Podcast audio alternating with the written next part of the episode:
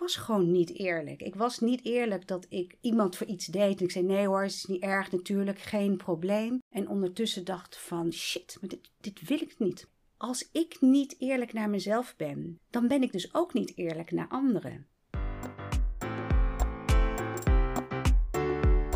Welkom bij Ontrafeld, de podcast. Ik ben Fiona Koek en als systemisch coach begeleid ik vrouwelijke leiders die de balans kwijt zijn doordat ze te veel ballen in de lucht houden.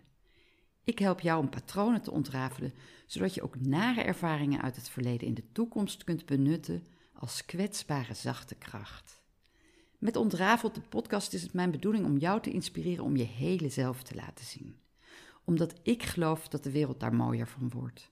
Zoals ik dat ook heb gedaan met mijn boek Ontrafeld, bevrijd door anders te kijken naar mijn patronen. In alles wat ik doe, durf ik tegenwoordig mijn kwetsbare kant te laten zien. En dat voelt vrij. Dat neem ik ook mee in mijn rol als coach. In de show notes vind je een link naar mijn website www.koekcoaching.nl. Vandaag ga ik in gesprek met Noella de Jager over een onderwerp waar heel veel mensen mee worstelen: het snijvlak van duidelijke communicatie en aardig gevonden willen worden. Nou, ik zal eerst even kort vertellen wie Noella is. Ah, kort, er gaat eigenlijk wel een verhaaltje aan vooraf. En daarna geef ik het woord aan Noella. Dus Ehm, ja, weet je, Noella is eigenaar van Good Place to Work. En dat is een flexibele werkplek voor vrouwelijke ondernemers. En die vond ik toen ik tien jaar geleden terug naar Rotterdam verhuisde. En wat ik zo onwijs leuk vind aan Good Place to Work is dat het een werkplek is waar serieuze vrouwelijke ondernemers bij elkaar komen. En Noella heeft gecreëerd dat dat een hele warme omgeving is, waar mensen zich heel welkom voelen, die ook uitnodigt om te sparren, te overleggen. Dus ook al ben ik alleen als ondernemer, zelfstandig, heb ik het gevoel dat ik altijd collega's heb hier. En dat maakt het zo rijk en bijzonder. Daarnaast is Noella auteur van het boek Overleven als ondernemer. Nou, dat zit hier ook door verweven. En wat zo leuk is, ik had uh, een tijdje geleden een podcast opgenomen met Toekie van Apeldoorn over onze vaders. En Toekie had ik ontmoet bij het Bert Hellinger Instituut, één dag in een workshop. En wij kwamen elkaar weer tegen op de boeklancering van Noella. En dat heeft ertoe geleid dat ik aan Toekie vroeg: Wil jij het voorwoord van mijn boek Ontrafeld, bevrijd door anders te kijken naar mijn patronen schrijven? Nou, dat is een prachtig voorwoord geworden. Zeker. En wij deelden natuurlijk die podcast op onze social media. En toen reageerde Noella met: Lieve Fiona, ik heb meteen de tijd genomen om naar jullie te luisteren. En wat een mooi gesprek hebben jullie gehad over jullie vaders. Ik kan me voorstellen dat het niet het enige gesprek is in de serie Ontrafeld. En toen dacht ik natuurlijk, wat een inkopper. ik dacht eigenlijk dat jullie nog meerdere gesprekken samen konden gaan voeren. En dat denk ik, dat kan dat zeker. Maar ik vond het ook heel erg leuk toen jij bij mij aanklopte en zei je... Noella, wil jij mijn gast zijn? Want jij weet, jij bent ook te gast geweest in mijn podcast. De Popcorn Principle, Popcorn Principle podcast. He, daar kan je af en toe lekker over struikelen. Maar uh, ja, ik vind het grote eer dat ik te gast mag zijn in, uh, in jouw uh, Ontrafeld podcast. Dus ik verheug me op dit gesprek. Ja, tof. En Popcorn Principle, pin, ja, nou, ik struikelde dus ook over niet te doen. Maar kan je toelichten, want dit zegt alles over jou en Good Place to Work. Ja, ik geloof in het popcorn-principe. En het popcorn-principe gaat over energie en tijd in elkaar steken en met z'n allen de pan uit knallen. En dat is wat ik, waar ik deze community heb gebouwd. Is hoe kunnen we elkaar helpen om dat te doen. Ja, dus. Uh, we leven hier volgens het popcorn-principe. En ik hou zelf niet eens van popcorn. kan je nagaan. Nou, en um, clear is kind, hè, zei jij meteen. Ja. Daar gaan we het over hebben. Um, waarom vind jij dit zo'n belangrijk onderwerp? Nou, clear is kind. Um, ik denk dat veel vrouwen zich erin kunnen herkennen, is dat we het belangrijk vinden om aardig gevonden te worden. En uh, daar ben ik ook eentje van. En uh, we denken dat met aardig gevonden worden, is dat dat betekent dat je op een bepaalde manier moet communiceren.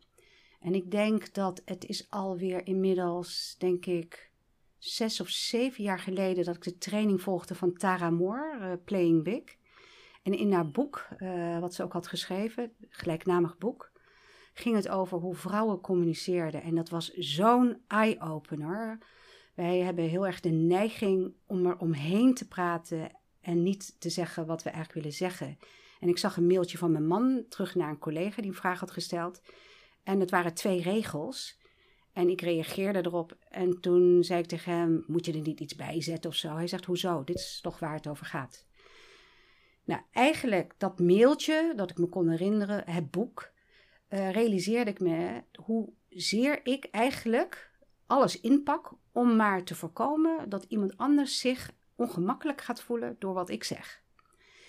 En het gevolg daarvan is dat ik dus, uh, uh, dat ze me niet zo aardig vinden, omdat ik uh, dan te direct ben of, ja, hoe moet je het zeggen, onaardig dus klink.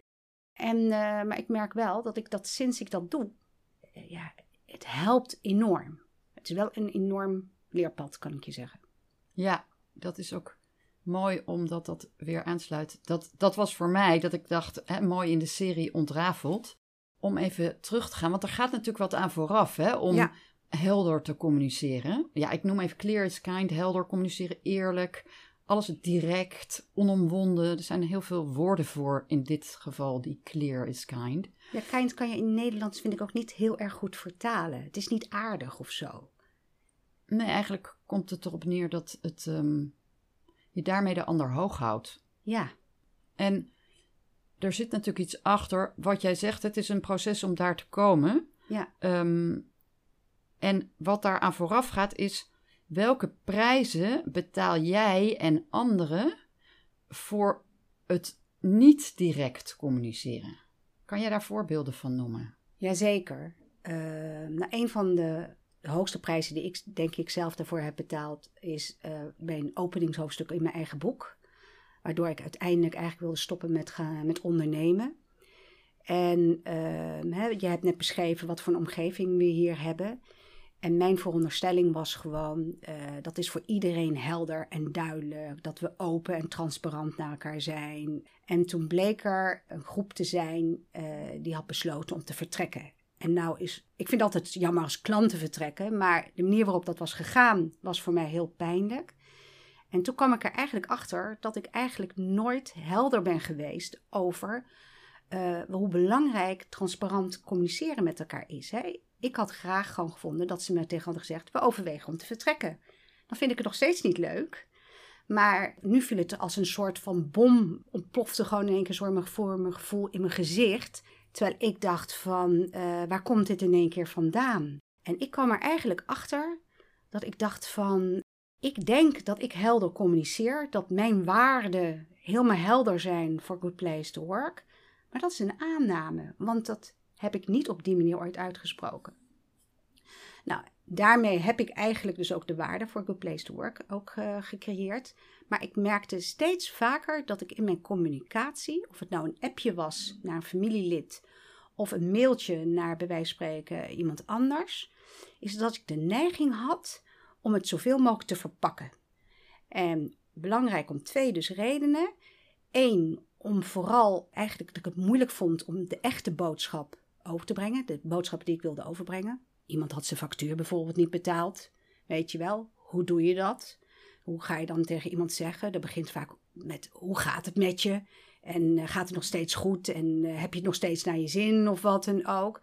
En dan ergens onderin dat je zegt van oh ja, uh, er staat ook een factuur open, misschien dat je die niet hebt gezien. Hè, dus die boodschap verpakken, omdat ik het heel moeilijk vond om de echte boodschap te brengen. Maar ook op het moment dat je dat dus niet doet, dus als je zegt van gelijk de mail stuurt, die zegt van hé, hey, er staat een factuur van je open, misschien heb je die gemist, zou je die per omgaande willen voldoen? Dat op het moment dat je dan op zend drukt van zo'n mail, dat je daarna zit en je denkt, oh shit, dit was misschien wel heel erg direct. Had ik niet toch iets erbij moeten doen? Dus het ongemak, het verduren ervan, ja, dat is dus ook lastig. En ik heb met mezelf afgesproken dat dat niet in, de weg mag zitten om het toch te doen. Wat onwijs mooi, want ik wil daar wel even op inhaken voordat we naar dat bruggetje gaan. Naar met mezelf afgesproken om dat niet meer te doen. Want dat gaat natuurlijk ook over de ander. Dus dat ja. is zo interessant. Ja. Maar voordat ik daar naartoe ga. Jij zei net over dat afscheid nemen van zo'n groep. Ik heb ook een podcast eerder opgenomen zorgvuldig afscheid nemen, hoe doe je dat? Ja, Want op het moment dat je niet zorgvuldig afscheid neemt, dan blijft er, en dat was toen ook, zoiets hangen wat niet uitgesproken is in de onderstroom. En dat creëert een, ja, een ongemakkelijk gevoel, zowel voor de vertrekker als voor de achterblijver, jou, maar ook andere mensen. Dus er is iets wat, wat in de lucht blijft hangen, wat belemmert. Ja. En als je kijkt naar, ik wil dat het vrijelijk kan stromen in mijn leven. En ik wil ook in staat zijn om, als er mensen weggaan, om weer nieuwe mensen aan te trekken. Dan is het zo belangrijk om dat afscheid zorgvuldig te doen. Dus mocht je die podcast nog niet hebben geluisterd en je denkt, hé, hey, dat is een onderwerp wat me aanspreekt, tip. Dus dat is eentje, dus die begrijp ik ook helemaal van jou. En ik Ja. weet dat je dat ook inmiddels helemaal verwerkt hebt en goed en Ja. krachtig, hoe je dat ook omschrijft in jouw boek. Want dat is een heel kwetsbaar, of tenminste, je, je eh, vertelt heel kwetsbaar jouw eigen hobbels, dalen, die het lastig voor je hebben gemaakt als ondernemer. Eh, en dat kan je ook, net zoals met mijn schrijven van Ontrafeld, achteraf, als je terugblikt, wanneer je vanuit een veel ja, schonere plek, noem ik het, komt, Ja. dan is het zo fijn om terug te kunnen kijken en ja, aan anderen mee te geven. Jij in jouw boek als ondernemer, ik in mijn boek als mens en ondernemer. Jij ook trouwens als mens en ondernemer. Maar hoe ehm, met onze intentie om dat vooral ook aan anderen mee te geven. Dus dat hebben we, eh, daarom hebben we allebei die boeken ook geschreven. absoluut. Dat helpt ook, denk ik, heel erg in het verwerkingsproces. Hè? Het Ja. schrijven ervan Ja. is echt ook wel, vind ik. Ja. Dat helpt ook om afscheid te nemen. Ja, ja Dus, eh, zeker. Van oude patronen. En als je het hebt over oude patronen, als ik naar mezelf kijk. Ik dacht in aanloop naar deze podcast, hoe komt het dat ik het zo lastig vond om helder en duidelijk en direct te communiceren? Ja, vooral omdat ik van huis uit heb meegekregen. Ja, ze vonden mij gewoon heel direct. Daar ben ik heel veel op aangesproken door mijn familie. Nog steeds. Ja. Eh, Fie, je bent echt vlijmscherp en het mag wel eens wat minder direct. En ja, dat klopt. En tegelijkertijd kan ik nu ook zien, in liefde, dat is ook de conflictmijdende, harmonie nastrevende, als we het er niet over hebben, dan is het er niet, Ja. houding van mijn familie. Wat helemaal prima is dat zij dat zo doen, maar ik kies ervoor om dat anders te doen. Ja, dat is dat proces wat daar aan vooraf is gegaan. Heel herkenbaar. Kijk, mijn vader komt uit Nederlands-Indië, die is daar geboren. En toen zij natuurlijk naar Nederland kwamen, hij als kind, eh, hebben zij zich heel erg moeten aanpassen. En een van de dingen is het Indisch zwijgen, hè, staat bekend om, Mm, is dat je vooral eh, niet iemand anders ongemakkelijk moet laten voelen. En dus dat betekent dat wat je zegt, dat eh, als dat iemand anders maar een ongemakkelijk gevoel zou kunnen geven, dat zeg je dan dus niet. En ik merk ook precies wat jij zegt. Ik heb dat zo met de paplepel ingegoten gekregen. En denk ik systemisch gezien ook gewoon verankerd in, in, in alles wat ik doe. Is dat dat ongemak dat ik bij de ander veroorzaak nog belangrijk vond dan het ongemak dat ik misschien bij mezelf veroorzaakte. Maar ik kwam er vervolgens ook achter dat ik dus niet eerlijk was naar mezelf. Ik was gewoon niet eerlijk. Ik was niet eerlijk dat ik eh, iemand voor iets deed. En ik zei: nee hoor, het is niet erg, natuurlijk, geen probleem. En ondertussen dacht van: shit, maar dit, dit wil ik niet. Mag ik shit zeggen in je podcast? Zeker. Helemaal goed. Kunnen jullie Maar, vast hebben. eh, Hoeven ja. we ook niet te bepalen voor jou als luisteraar. Nee, maar ik dacht ook van, ik denk, ik ben gewoon niet eerlijk naar mezelf. Dit is niet wat ik wil.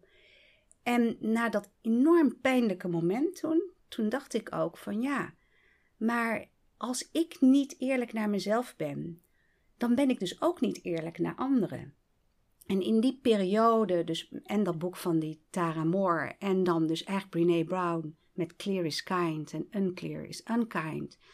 Toen dacht ik van oké, hoe kan ik dan wel helder communiceren dat het oké is voor mij?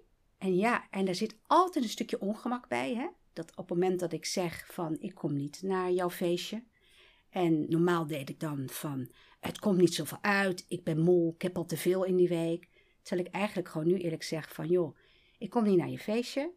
Eh, maak graag met jou een één op één afspraak om een keer gezellig te lunchen. Want dat doe ik veel liever. Ik ben namelijk niet zo'n feestjesmens.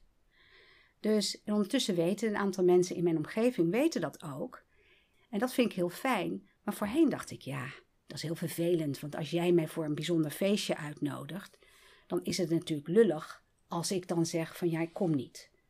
En nu denk ik van ja, maar ik kom niet, omdat het feestje is echt, daar word ik echt, ja, dat, dat gaat. Voor mij is dat gewoon, omdat het vaak s'avonds is, uh, dan wil ik gewoon, ga ik, ga ik dicht, dan ga ik op slot, ga ik heerlijk voor mezelf. En ik vind het veel heerlijker om dan met jou één op één te gaan lunchen.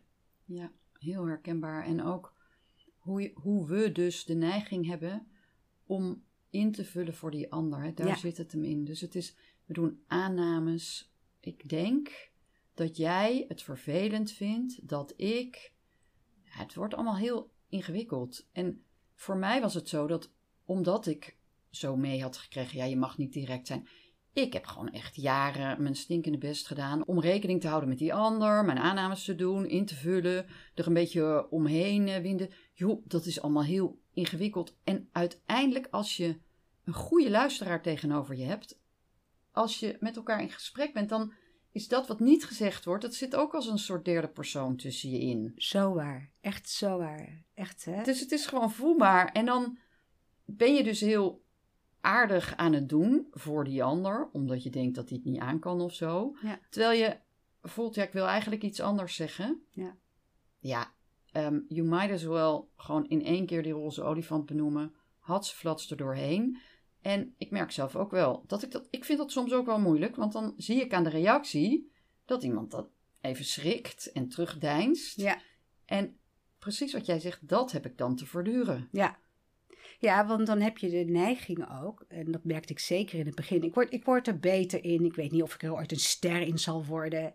Hè? Eh, ik heb nog steeds de neiging om, ik wil gewoon aardig gevonden worden. Ja, het is gewoon leuker dat jij me aardig vindt, Fiona, dan dat je me niet aardig vindt. Hè?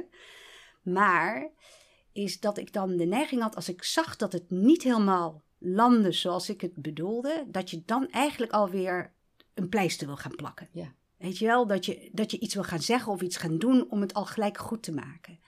En dan echt dat kunnen verduren. En dan eigenlijk denken, oké, maar weet je, wat is nou van mij en wat is van die ander? Van die ander is het bericht om te horen dat ik niet kom, hè, naar een feestje bij wijze spreken. Of dat ik zeg van, ik vind het niet oké dat je dit doet.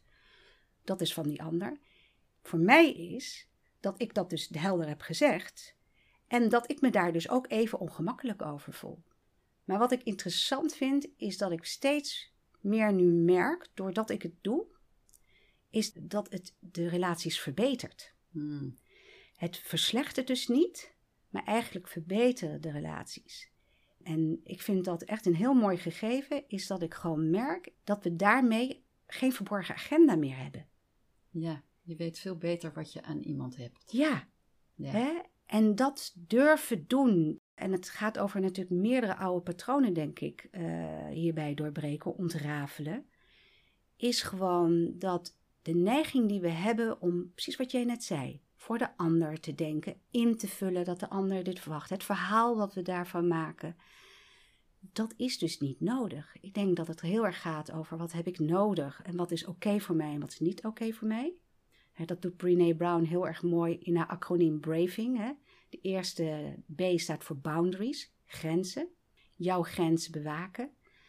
Ja, ik denk van, het gaat heel erg over waar ligt jouw grens? Weet jij waar jouw grens ligt? Wat is niet oké? En dan uiteindelijk vanuit daar, vanuit uit je hart, spreken naar de ander en aangeven hoe dat voor jou is of wat jij niet oké vindt of wel oké, of wat je graag ziet. En, ja, en dan kan iemand reageren dat iemand er niet mee eens is, dat is prima. Maar dan weet je ook waar ieder staat. Ja, ja, ik herken dat. Ja, ik heb echt dat clear is kind, hè. Je weet het, hangt hier tegen mijn bord hierachter. En ik laat het ook hangen. Want het is voor mij echt een reminder dat dat uiteindelijk veel meer waard is dan die, die neiging om aardig gevonden te worden. En ik zeg, ja, de kwaliteit van mijn relaties is echt op die manier gewoon verbeterd. Ja, dat is ook een mooi voorbeeld van wat het je oplevert. Zo. Ja. ja. En ik merk ook dat als ik. Ehm, het, het maakt mij heel troebel op het moment dat ik steeds aan het invullen ben. Terwijl als ik communiceer vanuit wat voor mij waar is. En nu realiseer ik me wel dat ik daarin, ik ben de hele dag met één op één coaching bezig. Dus in mijn coaching heb ik natuurlijk ook expliciet permissie gevraagd, ook in een intake. Maar mensen voelen zich tot mij aangetrokken of krijgen mij aangeraden. Vaak omdat iemand dan in hun omgeving zegt: Ja, weet je, um, jij bent, uh, je hebt een stevig karakter en je hebt echt wel een coach nodig die door jou heen prikt, die jou niet met dingen weg laat komen. Dan moet je naar Fiona, want uh, she doesn't let you off the hook. Ja. Daar sta ik ook onbekend en ik merk dat ik, die, dat ik het steeds lastiger vind om die scherpte, om, om wel de permissie te voelen in mijn coaching, om die directheid en die scherpte te hebben en niet in de rest van mijn leven. En dat dat steeds meer gaat overlappen, zoals überhaupt mijn leven steeds meer gaat overlappen en er niet een onderscheid komt tussen zakelijk en privé. En dat maakt ook dat ik steeds meer mijn hele zelf meeneem. Ja, um, uh, ik ben uh, vorige week 59 geworden, dus... Gefeliciteerd nog. Dankjewel. Maar ook richting die 60. Het is ook wel dat ik denk, ja, ik word uh, ouder en um, dan vallen er mensen af in mijn leven. Ja, dat klinkt heel onaardig, want soms is dat natuurlijk best moeilijk. Maar op een gegeven moment is het ook zo dat je denkt, ik wil vooral mensen aantrekken die bij mij passen. Ja. En niet mensen voor wie ik me moet aanpassen omdat ze mij niet kunnen hebben. Ja, dan ben ik waarschijnlijk niet de juiste persoon in hun leven. Nee, ik ben met je eens. Ik vind het niet onaardig overigens te klinken hoor. Ik denk gewoon dat het een feit is. Dat dat gewoon zo werkt. Ja, Ja. en daar dan oké mee zijn. Daar oké mee zijn. Ja. En ik heb wel gemerkt ook dat doordat ik steeds directer durf te zijn en meer onomwonden durf te zijn, dat er juist meer ruimte ontstaat om dat op een empathische manier te brengen. Waardoor het ja, niet alleen maar vlijmscherp hard is, Ja. maar ook vlijmscherp zacht kan zijn. Nou, dat vind ik nog een mooie wat je zegt ook. Ehm, want als we het even over schriftelijke communicatie hebben, dan zeker of e-mails of WhatsAppjes, Hmm. die zijn natuurlijk heel ingewikkeld. Hè? En eh, ik heb ook wel eens tegen mensen gezegd, als je het echt gesprek wil hebben, moet je dat niet via WhatsApp of via de mail doen. Maar goed, hè, als ondernemers mailen we en WhatsAppen we ook met onze klanten. En eh, om dan proberen helder te zijn hè, en duidelijk te zijn, clear, in zo'n conversatie, vind ik ook serieus ook een goede uitdaging. Waarbij je de juiste toon hebt. Dus het kan best wel zijn dat een, hè, bij wijze van spreken, een tweeregelig WhatsAppje mij meer kost dan bij wijze van spreken een hele pagina A4 vol schrijven. Omdat ik dan echt gewoon kijk, en dan doe ik het soms een paar keer overnieuw en dan denk ik nee. Want wat is nou wat ik wil zeggen? En ben ik het hier weer aan het verdoezelen? Hè? Hmm. Ben ik toch iets aan het doen waarbij ik eigenlijk niet helder genoeg ben in wat ik eigenlijk wil zeggen? Maar dan wel iedere keer proberen dat het vanuit het hart komt. Ja. Ja. Ja. Dus hè, dat ik denk, dit is volledig, dit is de manier waarop ik graag met jou in gesprek ga. Dit is wat ik jou wil meegeven, vertellen, vragen of wat dan ook. En dat dan versturen. Maar goed, uiteindelijk vind ik schriftelijke communicatie hè, voor goede gesprekken, eh, geloof ik gewoon dat je tegenover elkaar moet zitten. Of minstens de telefoon moet pakken om elkaar te bellen. ja, dat is dan ook een tip, hè? Dat als je Zeker. Ja. eh, ergens tegenaan loopt, Ja. in die communicatie, pak die telefoon. Of als je op kantoor zit, sta op en loop naar die persoon toe. Ja. Of wat ik dan ook wel eens zie, is dat mensen gaan dan iemand aanspreken in een WhatsApp-groep. Of Ja. een CC en dan weer iedereen meenemen in die mail. Echt. Vreselijk. Ja. Ja. ja, fijn. Dat hoeven we niet te zeggen, dat weet je ook wel. Ja. Als wij ehm, richting een eh, afronding gaan, Ja. tenminste kunnen we richting een afronding, of was er nog iets waarvan je dacht, eh, Nee, ik, ehm, eh, ik maar denk welke dat tips duidelijk heb is. jij? Nou, ik heb er een paar. De, de Hmm. eerste is denk ik gewoon het gesprek met jezelf. Wat is oké voor mij en wat is niet oké voor mij? En ik denk, hè, daar kan je eh, iemand zoals jou heel ook goed bij gebruiken hè, als coach. Thank you. Maar ik denk dat we te weinig realiseren wat wij nodig hebben. Hè, ik ik eh, doe kennissessies op het gebied van onderhandelen. En waar het over gaat, de eerste onderhandeling is altijd met jezelf. Dus weet wat jij nodig hebt, wat voor jou belangrijk is. Als je dat weet, dan betekent ook dat je eh, beter kan zeggen van oké, maar wat betekent dat in mijn communicatie, schriftelijk of mondeling met de ander? En op het moment dat je eh, mondeling gaat, dan gaat het ook over de juiste timing. Dus als jij een moeilijk gesprek met iemand aangaat en je komt die persoon net tegen bij de koffiemachine en je denkt, dit is het moment voor mij, dan is, dan is de vraag, is dat ook de moment voor de ander? Dus ik denk gewoon, dan kan je beter even zeggen, joh, ik wil graag even met jou een gesprek aangaan. Kunnen we hier tijd voor vrijmaken? Wanneer schikt het jou? Ja, Er zit mij iets dwars. Hè, in plaats van je denkt, het zit mij nu dwars, dus nu, nu ga, ik, eh, ga Ja. ik helder en duidelijk zijn naar jou toe. Dus dat is denk ik even altijd checken of het Ja. moment, hè, dat, dat beide echt in de luistermodus kunnen zitten. En schriftelijk, het grappige is, ik krijg heel vaak van eh, diverse good placers, die komen even langs met een mailtje en die zeggen, Noelle, kan je even meekijken? Hè? Is schrappen. Omdat we, precies wat we heel vaak doen, we verpakken het. We gooien er van alles nog extra bij. En ik, wat ik al zei, mijn man, die Ja. zet gewoon neer, ja, maar hier gaat het over. En ik dacht eerst, is bot, dat is een beetje erg direct. Maar ik kom er steeds meer achter, nee, dat is helder en duidelijk, want daar gaat het over. Het heeft geen zin om het in te pakken en weet ik het al niet meer, want dat is niet wat je wil. Dat is je ongemak om het Ja, het bericht te doen. Ja, en dat geldt hetzelfde bij WhatsApp. Maar eigenlijk de belangrijkste tip. Heb je echt een belangrijk gesprek? Doe het niet per mail. Doe het niet per WhatsApp. Vraag tijd aan iemand anders. Neem de tijd ervoor. Zorg ervoor dat allebei gewoon ook op dat moment echt in staat zijn om dat gesprek te voeren. En voer dan het gesprek. en zoek elkaar oldschool face-to-face op. Absoluut. Ja, Dus als ik dat samenvat, even terug, zeg maar recap.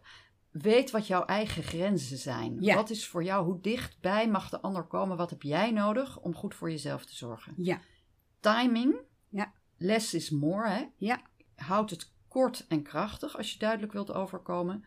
En liefst face-to-face. En ik zou daarop willen aanvullen, in, ook in aanvulling op wat jij als eerste zei. Hè? Ja. Eh, blijf dicht bij jezelf.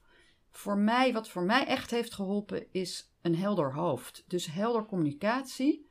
Helder communiceren heeft te maken met helder zijn in mijn hoofd. ja, En ik merk, ik kan me voorstellen dat dit voor heel veel mensen opgaat die hier naar luisteren, hoe drukker ik ben, hoe onhandiger, hoe botter, hoe minder ik ruimte heb in mijn hoofd om me in te leven in die ander. Ja. Dus wat ik doe is ik probeer mezelf op tijd terug te fluiten. En als ik voel, wow, ik ben gewoon druk. En dan gaat, voel ik zo die adrenaline door mijn buik gaan. En De, vooral de streek tussen mijn eh, middenrif en mijn navel. ja, En dan voel ik, dat gaat zo, dan, dan wappert het daar een beetje van binnen.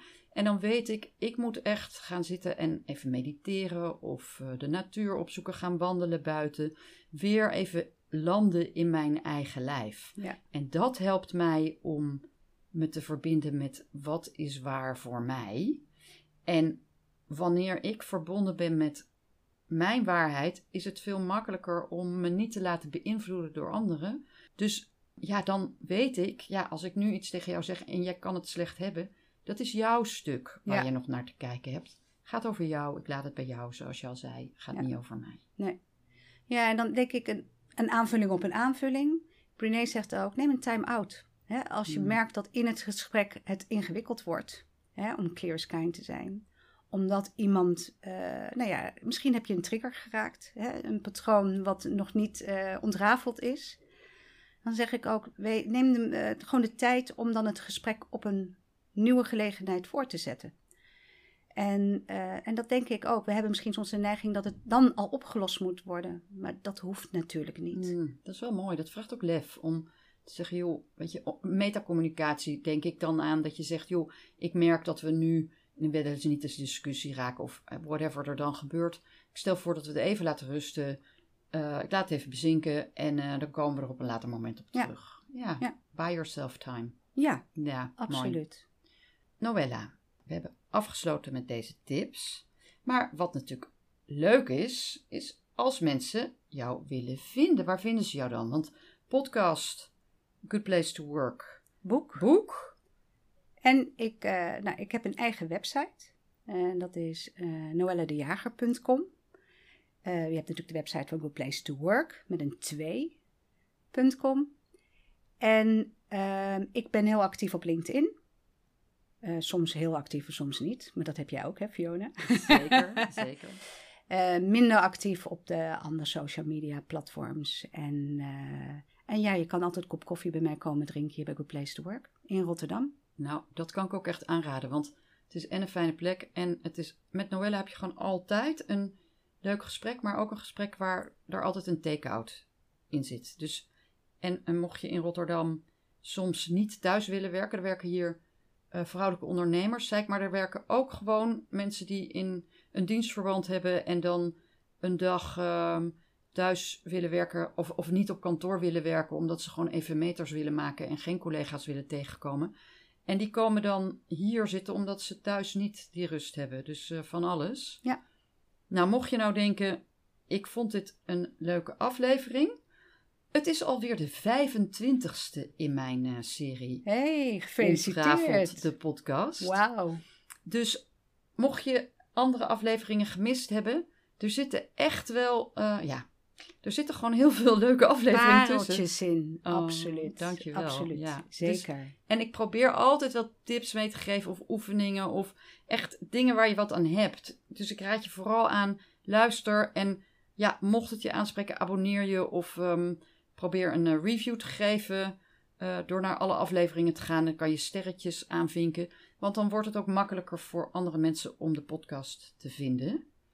Dus Dank je wel dat je weer geluisterd hebt. En dank je wel, lieve Novella, dat je dit gesprek met mij wilde aangaan. Waarvan ik echt denk: ja, ik hoop zo dat andere vrouwelijke ondernemers of leiders hier wat aan hebben. Want dit komen zoveel mensen tegen. Zeker. En dank je wel dat je mij als gast hebt uitgenodigd. Echt heel erg leuk. Tot de volgende!